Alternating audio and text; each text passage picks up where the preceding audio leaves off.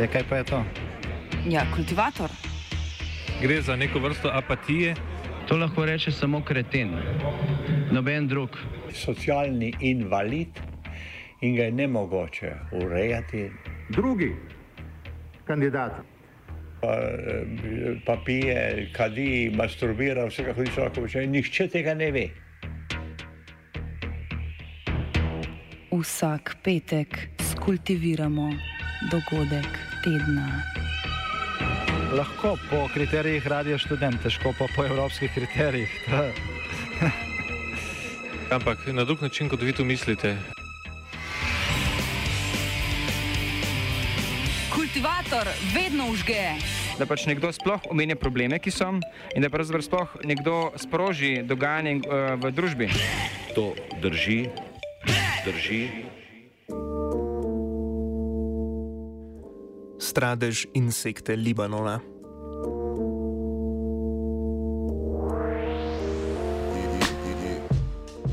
Libanonu gre še na slabše. Poleg že dolgo trajajoče inflacije libanonskega funta, visoke nezaposlenosti in koruptivnih politikov je sedaj izbruhnilo še nasilje na ulicah. V protestu prejšnji četrtek je pod streli neznanega streljca umrlo šest protestnikov. Ti privrženci gibanja Hezbolah so v Bejrutu zahtevali odstranitev sodnika Tareka Bitarja, čež da preganja, torej preizkuje le politike, ki jih ne mara. Bitar je že drugi sodnik, ki preizkuje, kdo je odgovoren za eksplozijo v Bejrutskem pristanišču, ki je 4. augusta 2020 ubila vsaj 217 ljudi, 300 tisoč pa se jih je moralo izseliti iz kraja eksplozije.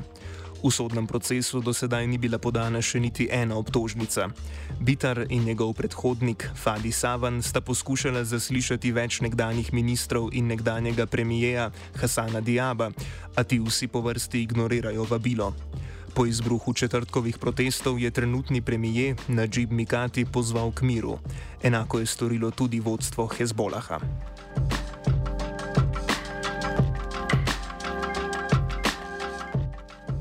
Streljanje na protestu je vzbudilo strah, da bo ponovno izbruhnilo sektaško nasilje, kakršno je divjalo med državljansko vojno med letoma 1975 in 1990. Poleg strahu pred izbruhom sektaškega nasilja pa rastejo cene goriva, elektrike, hrane in zdravil. Elektrike in goriva primankuje, javno električno omrežje odpoveduje, ljudje si morajo pomagati z zasebnimi generatorji in črno borzo. V današnjem kultivatorju tako o krizi pomankanja osnovnih sestavin normalnega življenja, protestu proti sodniku Batarju ter politični nepripravljenosti reševati probleme.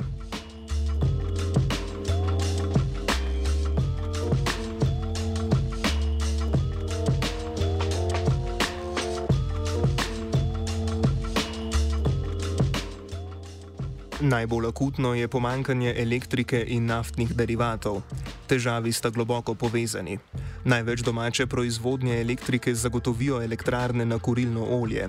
Ker je oskrba z elektriko nezadostna in zelo pogosto prekinjena, se ljudje, ki si lahko to privoščijo, zanašajo na domače benzinske agregate.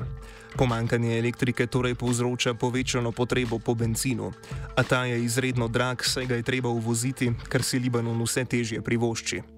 Osnovna gospodarska težava Libanona je, da proizvaja zelo malo blaga, ki ga lahko uvozi. Hkrati pa se na uvoz zanaša pri oskrbi z energijo, hrano in zdravili. Ima torej velik trgovinski primankljaj. Tega je le pred leti, pred koronavirusom in politično nestabilnostjo, deloma pokrival turizem, predvsem pa nakazila zdomcev svojim družinam v Libanonu. V zadnjih letih pa je primankljaj s finančnimi triki močno podpirala tudi Libanonska centralna banka a pred dvema letoma se je ta hišica iz kart podrla. Denarja državi ne more fizično zmanjkati, lahko pa izgubi vrednost. In libanonski funt je v zadnjih dveh letih izgubil 90 odstotkov svoje vrednosti. Ker je nafto še vedno treba kupovati v dolarjih, to pomeni, da se je gorivo, izraženo v domači valuti, mnogokrat podražilo. Anis Germani, zdravnik in aktivist, opiše, kako pomankanje goriva hromi vsakdanje življenje. The situation in Lebanon uh, today is nothing short of a huge humanitarian crisis. According to a latest study that was done by the UN, by the ESQA, which is a branch of the UN, 84% of people live in some form of poverty in Lebanon. I think like a month or two months ago, huge queues in front of gas stations because uh, there was a, there was fuel shortages. This was all just a preamble to lift subsidies from from fuel, and now uh, only yesterday. Uh, the price of fuel has hit, um, the tank of fuel is now priced at half of minimum wage, which is basically just enough to move a car for one week in, within the borders of a city. So basically, now there are no more queues on, on fuel because nobody can afford it anymore. And this is going to be absolutely catastrophic in a country where there is no uh, public transportation. Uh, we're talking about people that cannot make it back uh, to and from work, people that cannot go to hospitals if they need to, they cannot go shopping for their essential goods if they have to. Uh, all of these things uh, are going to be impossible to do because there is no public transportation.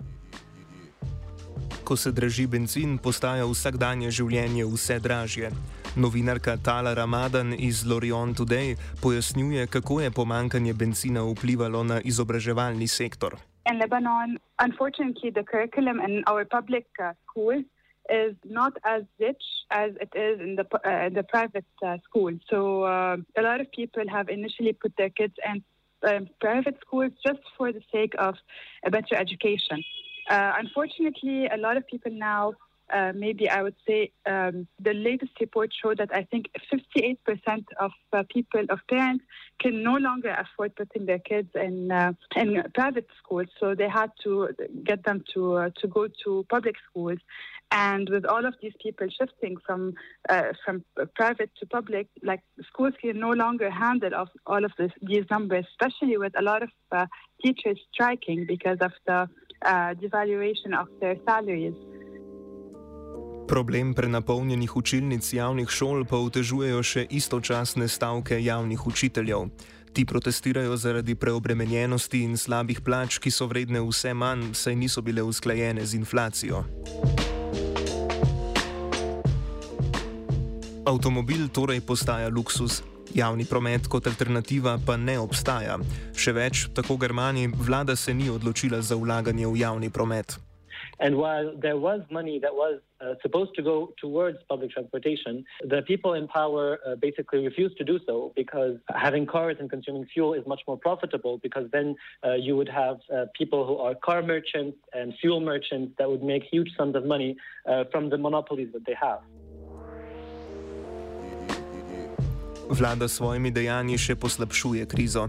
Germani zatrdi, da politiki v odgovor na pomankanje osnovnih surovin in potrebščin ne prevzemajo odgovornosti za krizo in breme reševanja, nalag breme reševanja nalagajo zgolj ljudstvu ali pa poskušajo zaslužiti na račun krize.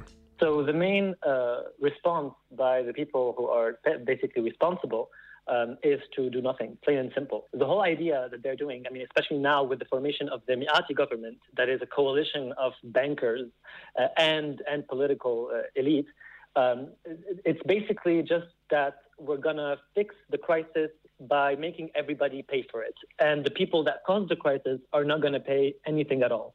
So the whole idea of you know inflation and shortages and, and lack of basic necessities, it's it's a crisis that is that is being made created on purpose. You know, it's it's not something that is happening by accident. Like people are absolutely responsible for the for the situation that we find ourselves. Uh, Hezbollah and the fuel that they brought from Iran. But I mean, two days ago as well, um, there was a new decree when when the fuel prices increased. They were increased by by the government. You know, Hezbollah, like the station that distributes uh, gas that comes from Iran, they also had a decree whereas they would only they would sell the fuel only 10% less than the price that is fixed by the government. So basically, it is not uh, any kind of remedy to the situation. It's just a, a huge scheme where Hezbollah is powerful enough to now take a bite of the fuel market and it has plain and simple. There's, I mean, there's, it's not a, it's not a huge charity that's going to provide two billion dollars worth of fuel for the entire economy. You know, that is Lebanon. This is how much we consumed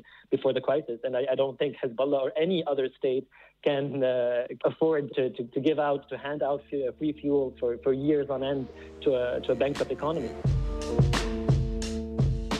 To je splošni modus operandi libanonske politične elite. Nikdar ne priznaj krivde, pa naj bo to glede ekonomije ali glede lanskoletne eksplozije, ki je trenutno v preiskavi. So the idea behind the whole investigation of the port blast of August 4th is that basically nobody in power wants this investigation to go through in any shape or form. It doesn't matter who's responsible. Uh, this investigation cannot go through for a very simple reason. That is, these people have ruled, the sectarian leaders have ruled this country with the idea that they cannot be held accountable for any crime. I mean, at the very end of the civil war, these people came into power. The first thing they did was absolve all of their crimes. They absolved themselves from the crimes they committed during the civil war. And this basically set the precedent for the next 30 years.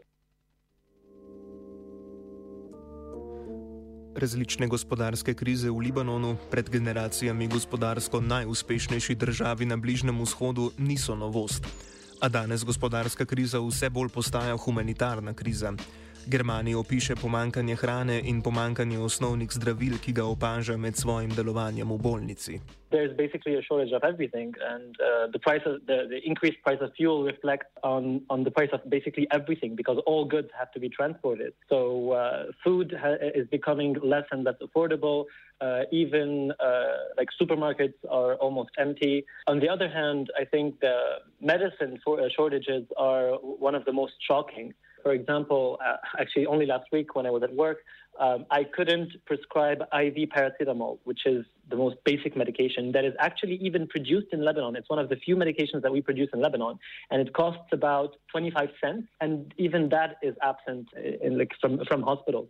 Um, there are many other medications that are also completely absent. We're talking about like uh, magnesium, for example, which is also 10 cents uh, that co- costs about 10 cents per ampoule and is a, a, life-saving medication for many for many cases like children and women who are pregnant and have hypertension. Uh, other than that, antibiotics that have become uh, impossible to buy. They're like ridiculously expensive when you can find them. Zaradi bančne krize tudi zdravstvene zavarovalnice ne premorejo dovolj denarja, da bi pokrile vse stroške zdravljenja svojim strankam. Other than that, I think like hospitals are at 40% capacity now because people cannot afford to, to pay their fees. The thing about uh, insurance companies and the National Social Security Fund, all of them uh, had their money in, in, banks, and banks are not dispensing that money because they're broke. So people uh, have to basically, despite having coverage, they have to pay uh, ridiculous amounts of money just to be able to, to go into hospital and get the treatment that they want. So many uh, many people are automatically excluded from the healthcare system because you know they cannot pay.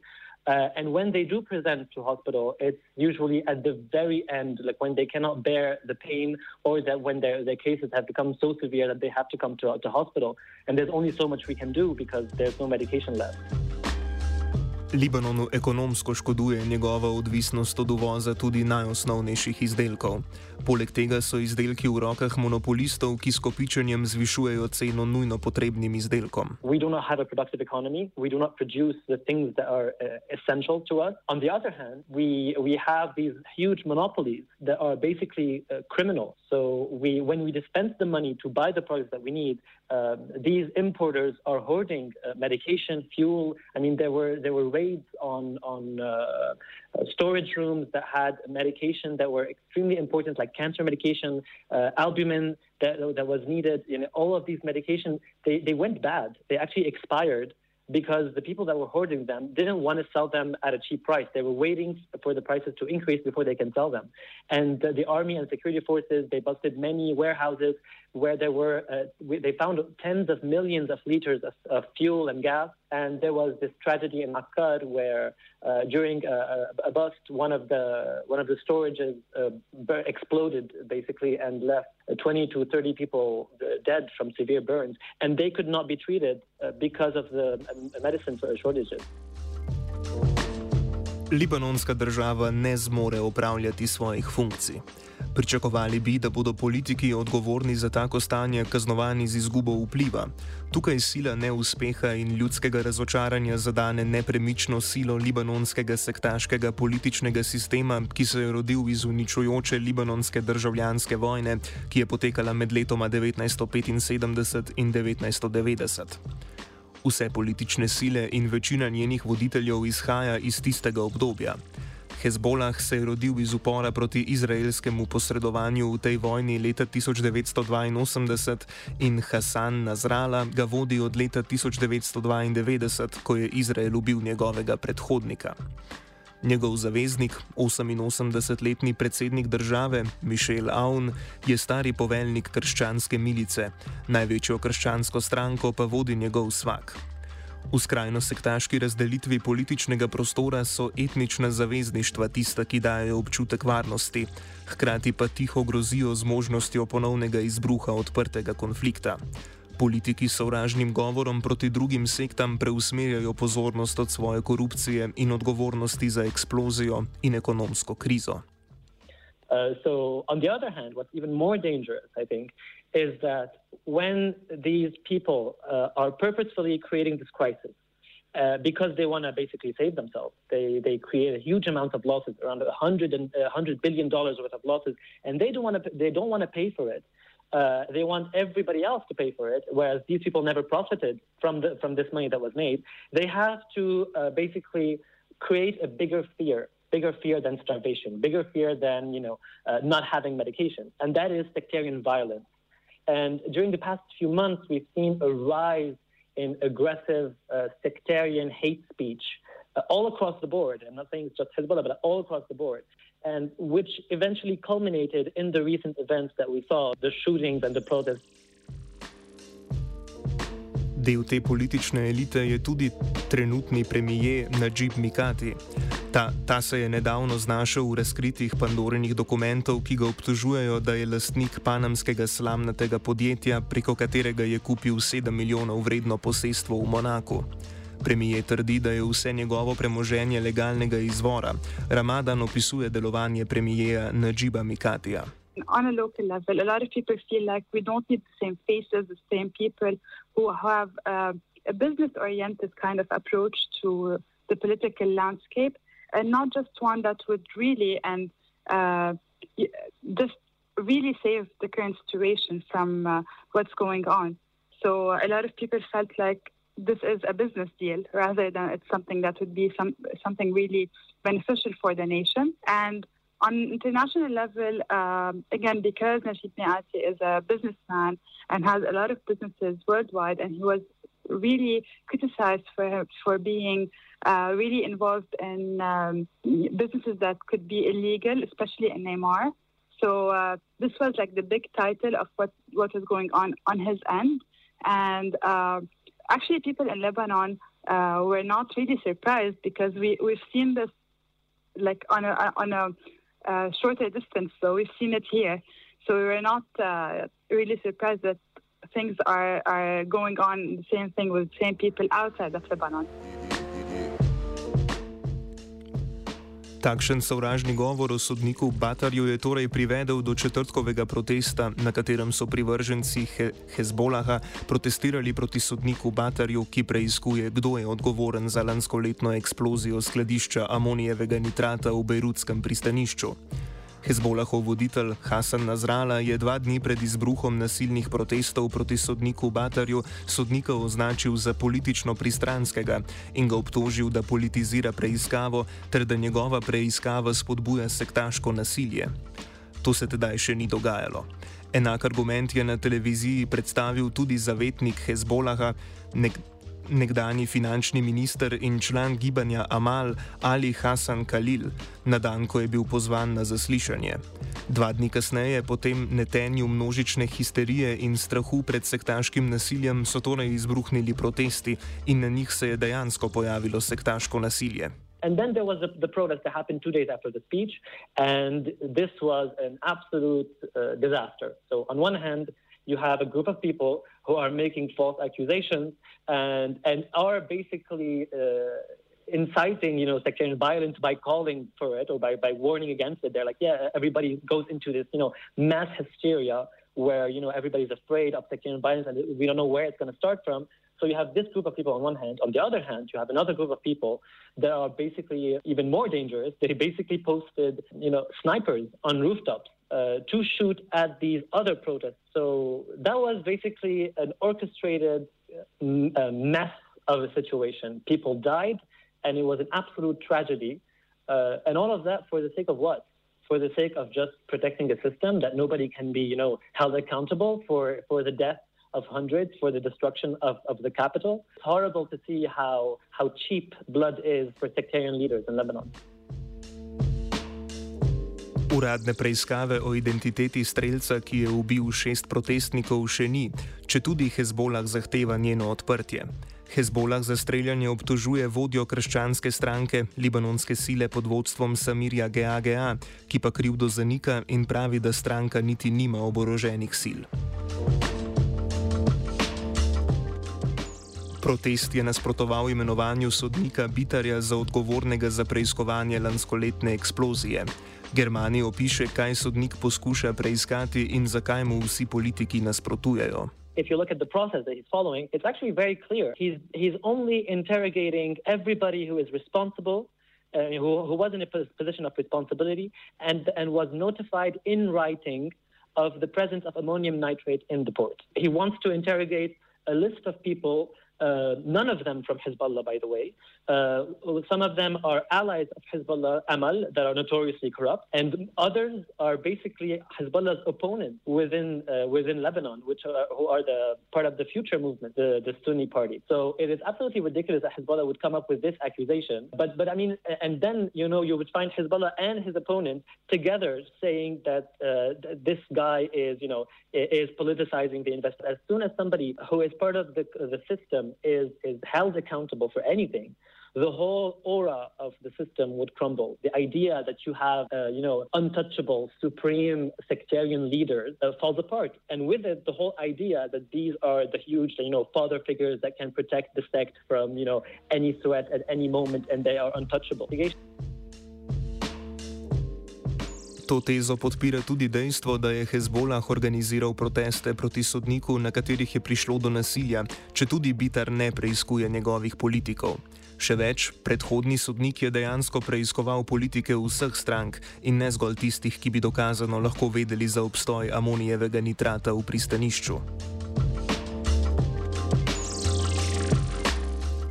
Sodnika Bitarja oziroma nadaljevanje raziskave podpirajo družine umrlih v eksploziji.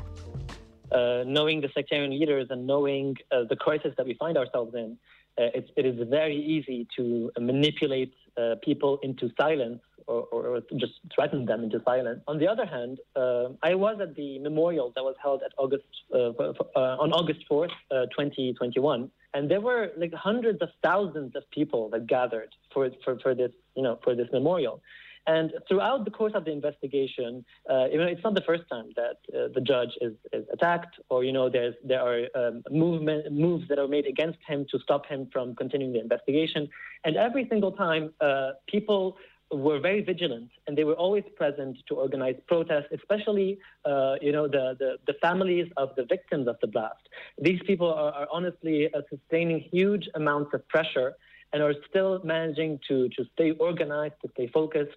Uh, and they're doing, uh, they and the people that, that uh, are supporting this in investigation are doing a pretty good job so far. And I think had they not been uh, doing uh, a good job, I don't think uh, we would have reached this, you know, amount of violence just to scare people into, you know, just dropping the investigation altogether. So it, it is a it is a good sign that you know there, there is good work being done, and there is a strong support for the from from people, you know, in general, for the investigation to go through.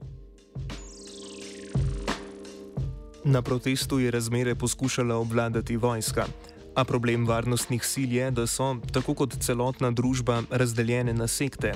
Notranje varnostne sile so večinoma suniti, splošna varnost so pretežno šiiti, vojska pa je večinoma krščanska. Germani pojasni dva problema z vojsko: njihova privrženost sekti, ne državi, in pa ljudsko prepričanje, da vojska ni notranje razdeljena na sekte. So the problem with the army is that that first of all, it is extremely internally divided. Let us not forget that uh, during the Civil War, the army split. I think this, this problem has not been resolved. So as soon as, as there is sectarian infighting, the army is still vulnerable to that because uh, you have every sectarian leader that you that appointed, uh, you know, a general or, or somebody within the army. Everybody who is in the army is basically just because somebody, one of the sectarian leaders, brought him into the army. So, so I think the army is just a reflection of the sectarian system, and it will not not be immune to sectarian violence at all. On the contrary, especially now with the bankruptcy, uh, the, the soldiers' salaries are basically worth what thirty to fifty dollars a month. Uh, for the sake of you know hold and, and you know for the sake of holding a gun and and uh, you know repressing other people who are uh, you know I don't know angry about about suddenly waking up poor but but they're just like them you know uh, on the other hand uh, there is a very there's a very you know danger to to to having uh, you know military rule. A lot of people perceive the army in Lebanon as you know a, a safeguard, since you know they can you know uh, they, they they suppose that you know the army is far from the sectarian infighting, although it is within it, the very institution. So they, they they think that yeah you know if the army takes over, uh, we would finally have the rule of law and it will be fine. But actually, it would not considering the sectarian nature of the army itself. And what's happening today is that in areas where sectarian leaders are not very powerful and they don't control directly the area, what they do is they just send the army to, you know, oppress people from to keep them silent. Libanon ima torej vladajočo elito, ki je v interesu, da se ne odkrije odgovornih za bejrutsko eksplozijo. Ima voditelje sekt, ki sprožajo nasilje, za katerega krivijo sodnika Bitarja. Še vedno čakajo na mednarodno pomoč evropskih držav in mednarodnega denarnega sklada, ki pa svojo pomoč pogojujejo s prejetjem finančnih reform, ki jih ta vlada ni sposobna sprejeti. Takšno je stanje pred marčevskimi parlamentarnimi volitvami. Volitve pa bodo zares pravične, če bo, tako Ramadan, prišlo do reforme volilnega sistema, do reforme, ki bi omogočila prevetritev političnega prostora. So even if we believe that we don't want the political elite to take over again, but maybe through the electoral law itself and how they will tailor it, uh, we will not have a choice but to bring them back again. So it really depends on uh, maybe the international community how it will be able to help us. It, it will all depend on uh, depend on larger issues, and I would say I, I would I'm really convinced that the electoral law is one of them because it should be tailored to fit this political elite once again, unfortunately.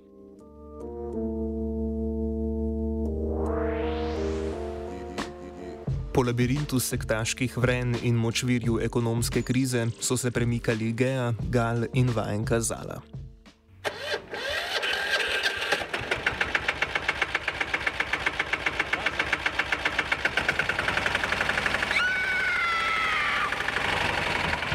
E, kaj pa je to?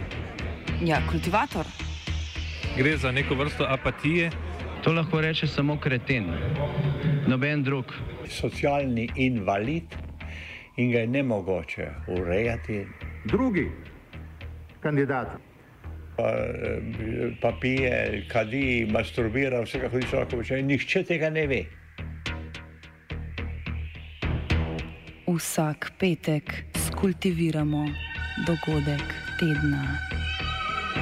Lahko po kriterijih radio študent, težko pa po evropskih kriterijih. Ampak na drug način, kot vi tu mislite. Kultivator vedno užge. Da pač nekdo sploh omenja probleme, ki so, in da pravzaprav sploh nekdo sproži dogajanje uh, v družbi. To drži, drži,